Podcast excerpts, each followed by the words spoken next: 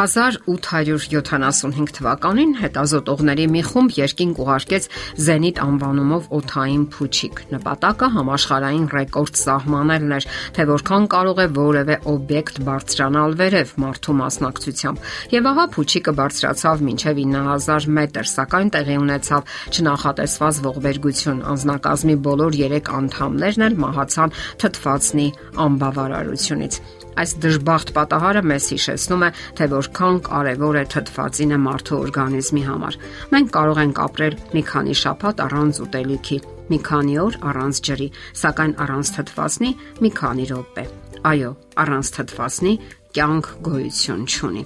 Խոսելով օթի մասին, մենք սովորաբար նկատի ենք ունենում միայն թթվածինը, սակայն օթը կազմված է 21% թթվածնից, 78% ազոտից եւ 1% այլ գազերից ու ջրից։ Օթի որակը տարբեր է։ Մաքուր թարմ օթը մենք տեսնում ենք շնորհիվ մաքրման այն մեխանիզմների, որոնք Աստված նախատեսել է բնության մեջ։ Որոնք են այդ մեխանիզմները։ Օթը մաքրվում է եւ էլեկտրական լիցքավորում ձեռք բերում շնորհիվ անձրևի կայծակների, կանաչ բուսականության, ծառերի ու գետերի, արևի լույսի, օվկիանոսների ու ավազի։ Սակայն մենք գիտենք նաև, որ ցավոք օդը հաճախ կեղտոտվում է հենց մարդու պատճառով։ Գործարանները, մեքենաների արտանետած գազն ու ծուխը, արդյունաբերական ծուխը, ահա օդի աղտոտման հիմնական աղբյուրները։ Իսկ ինչով են դրանք աղտոտում օդը գազերով, թթուներով, կեղտով, փոշով, միկրոօրգանիզմներով։ Մեր օրգանիզմը տարբեր ձևերով է արձագանքում կեղտոտ օդին։ Մենք կարող ենք ցավ զգալ մեր աչքերի մեջ, տարապել հարբուխից, գլխացավից, հազից։ Հոգնածությունն ու բացասական հույզերը նույնպես կարող են վկայել այն մասին, որ մեր շնչած օդը կեղտոտված է։ Աշխարի բոլոր ծայրերում մարդիկ տարապում են շնչառական համակարգի հիվանդություններից, ինչպիսիք են ասթման, ալերգիան, բրոնխիտը, էմֆիզեման, եւ հիվանդությունների մակարդակն աճում է տագնապալի արագությամբ, հատկապես մեծ քաղաքներում։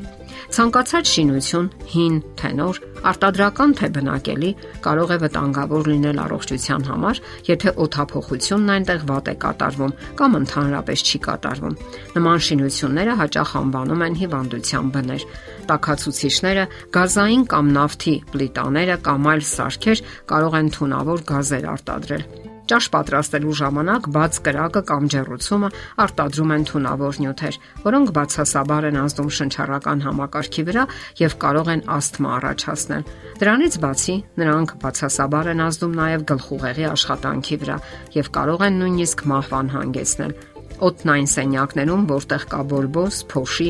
փոշի հավաքող իրեր, գորգեր պատերի վրա եւ այլն, նույնպես կարող են բացասաբար ազդել մարդու առողջության վրա եւ առաջացնել շնչառական ուղիների գրգռվածություն կամ բորբոքում։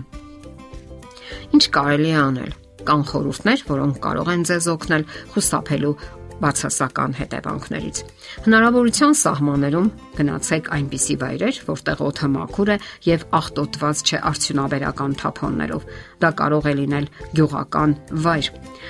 Օթափողեք ձեր բնակարանը ամեն օր։ Եթե ապրում եք այնպիսի վայրում, որտեղ կա ծխի ամպ, օթափողեք սենյակները առավոտյան կամ մայրամուտից հետո։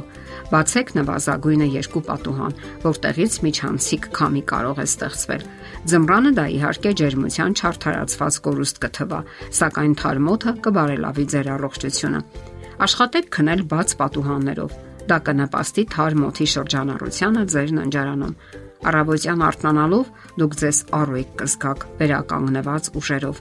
Սենյակային բույսեր աճեցրեք, բայց ոչ այնպիսիք, որոնք թունավոր նյութեր են արտադրում մեկ բույսը կարող է մաքրել 20 քառակուսի խորանարդ մետր օդ։ Եթե դուք օգտագործում եք տակացուցիչ կամ սարցնող սարքեր, այնպես արեք, որ սենյակ մուտք գործի 1/3-ի չափով թարմ օդ եւ մի մոռացեք նաեւ ժամանակին մաքրել ֆիլտրերը։ Շատ ուրախadir եղեք գազային սարքավորումների առումով, որpիսի գազի արտամղումներ չլինեն։ Անպայման օթափողեք այդ սենյակները, որpիսի հեռացնեք գազային, նավթային, փայտային կամ ածխային վառարանների այրման թափոնները։ Պետք չէ ծխել նաև շինություններում։ Խուսափեք գտնվել пассив ծխողի դերում։ Օգտագործեք օգտակար սննդամթերքներ, որոնք ձեր օրգանիզմը պաշտպանում են ամեն տեսակի վարակներից։ Դրանք են կանաչ թերթային բանջարեղենը, մանուշակագույն ու կարմիր մրգերն ու բանջարեղենը։ Հիշեցեք նաև, որ ձեր օրգանիզմը միշտ կտարապի թթվածնի անբավարարությունից, եթե դուք ունեք հետեւյալ անառողջ սովորությունները։ Յուղոտ սնունդ Սա թանձրացնում է արյունը թանձր մածուցիկ արյունը չի կարող արդյունավետ ձևով թթվածին մատակարարել եւ անցնել արյունատար նեղանոթների միջով։ Ծխախոտ եւ ալկոհոլ Մենք ընդմիշտ հիշեք, որ այս երկու անառողջ սովորությունները դժվարացնում են թթվածնի մուտքը եւ յուրացումը։ Այս դեպքում նվազում է շնչառական ակտիվությունը, վատթարանում է արյան շրջանառությունը։ Ջրազրկում Եթե դուք բավականաչափ քանակի ջուր չեք օգտագործում, Արյունը չի կարող ազատ շրջանառվել անոթներում եւ արդյունքում նյութափոխանակության թափոնները լավ չեն հեռանա։ Նաև նեղ հակոստը գոտիները սխալ կեցվածքը սահմանափակում են թոքերի ընթարցակումը եւ օրգանիզմը բավականաչափ քանակի թթվածին չի ստանում։ Եվ վերջապես ճիշտ շնչառություն։ Նորածինները ծնվելու պահից սկսած ճիշտ են շնչում փորով, իսկ շատ մեծահասակներ սխալ են շնչում կրծքի վերևի մասով։ Դե ինչ գնահատեք թարմոթը եւ ձգտեք երբեք բաց չթողնել հնարավորությունը վայելելու այդ աստվածային ապարքերը։ Եթերում է առողջ ապրելակերպ հաղորդաշարը։ Հարցերի եւ առաջարկությունների համար զանգահարել 033 87 87 87 հեռախոսահամարով։